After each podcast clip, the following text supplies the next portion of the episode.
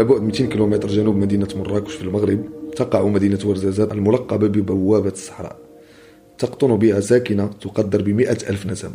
معظمها في سن الشغل حسب الإحصائيات الرسمية. تعتبر المنطقة من المناطق الأكثر عرضة للبطالة. فبالإضافة إلى رداءة شبكة المواصلات المؤدية للمدينة تعاني المنطقة من ندرة التساقطات مما يجعلها الأضعف من ناحية الاستثمارات سواء الفلاحية منها أو الصناعية باستثناء مشروع نور للطاقة الشمسية. توجد محطة نور لإنتاج الطاقة الشمسية على بعد 10 كيلومتر جنوبا من مدينة ورزازات على أرض قاحلة. المشروع الذي رافقته منذ 2010 سنة بداية إنشائه الكثير من الدعايات الإعلامية في المغرب والخارج بربط مشروع ملكي للطاقة المتجددة بتوجه المملكة لتأسيس صناعة صديقة للبيئة.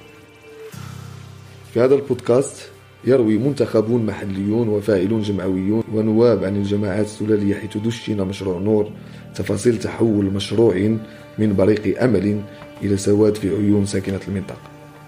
الاسم ديالي سعيد بوقير أستاذ وعضو في المجلس الجماعي لغسات وعضو في الجماعة السلالية أيت أوكرور من ذوي الحقوق. كاين جوج أنواع ديال المشاكل. المشكل الأول هو المشكل العويص لأنه ما كانتش واحد الاستشارة واسعة ديال السكان باش يكون يعني عن قناعة. والطريقة ديال التفويت اللي ما كانوش الناس عارفين. بما فيهم بعض النواب ديال أراضي الجموع اللي وقعوا على التفويت. واحد النسبة منهم لأن ثلاثة ديال النواب اللي وقعوا من أصل عشرة. ما ربما نقدر نجزم بأنهم ما كانوش عارفين بالضبط اشنو كيديروا؟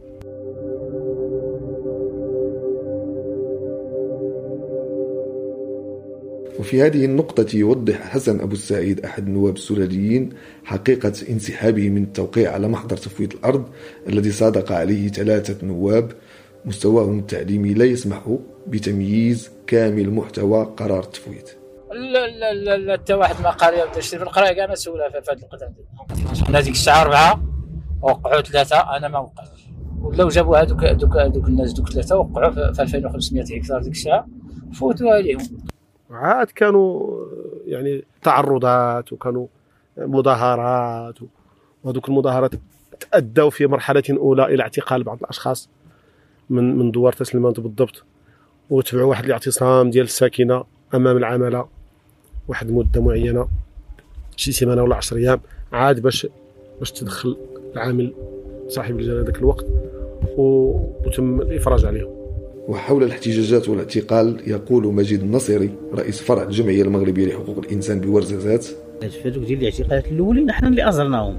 كنا نكونوا المحكمة ولا المحامين إحنا اللي عيناهم هذا الضغط ديت مباشر راه أكثر من 15 مقدم قلت لك وخلي البوليس وخلي اللي كيوضروا المقر.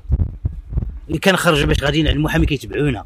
ها هما كيديروا تظاهر أكثر من حنا من بعد هذوك الاعتقالات من بعد ملي ملي تفرج عليهم كان واحد اللقاء ديال الساكنة يعني ممثلي الساكنة الأعيان والمنتخبين ونواب اراضي الجموع مع مع السيد العامل هذاك الوقت على على هذه المسألة هذه. وهو باش يعني باش يبرد الطرح كما تنقولوا. قال للناس اودي راه المشروع. راه مشروع ديال سيدنا. وراه حنا مع الإرادة ديالو. وبالتالي راه غادي يدار أحب من احب وكره من كره حنا دروك جبناكم باش نناقشوا معكم شنو اللي ممكن تستافدوا المنطقة من هذا المشروع. بالإضافة إلى مشكل انتزاع الأرض تبقى وعود تشغيل شباب المنطقة في المشروع معلقه وكاين المشكل اللي هو ظاهري اللي تهتم به العوام ديال الناس اللي هو المشكل ديال التشغيل ومشكل ديال الاستفادة من بعض المشاريع الاجتماعية. وكون هو ابدا رغبته بأنه العامل ديك الساعات لأنه مستعد أنه يدير التزام كتابي مع الساكنة على المشاريع اللي هما بغاو. وبأن دفتر التحملات ديال إنجاز المشروع ديال الشركات اللي غيخدموا فيه راه فيها أن 70% على الأقل من اليد العاملة خصها تكون من الناس ديال المنطقة. درنا الاجتماع الأول الثاني الثالث ملي قال لك غنعطيكم في التشغيل وغنعطيكم غنعطيكم الضو وغنعطيكم سميتو. ولكن باللي داروا هادشي ما بقاش ما بقاش بان لنا والو. ما كاين لا تشغيل ما كاين لا ضو ما كاين حتى شي استثمار ديال البلاد. راه البلاد إلا طلعتوا ليها تشوفوها. ما في علامه راه مات دابا. غير بعيد عن أرض حسن أبو السعيد قابلنا فلاحا سبعينيا يعيل حفيديه اللذين تركهما ابنه المتوفى أسابيع فقط بعد اندلاع جائحة كورونا بالمغرب. يعاني من ندرة المياه ليجد نفسه محاصرا بين سد فارغ ومحطة لتوليد طاقة وغولف ملكي اسود عشبه الناس اللي ساكنين دابا حدا المشروع؟ قراب للمشروع. وحدا البراج؟ ما بقاش عندهم الماء والجماعة هي اللي كتجيب لهم الماء بسيتيرنا حاليا.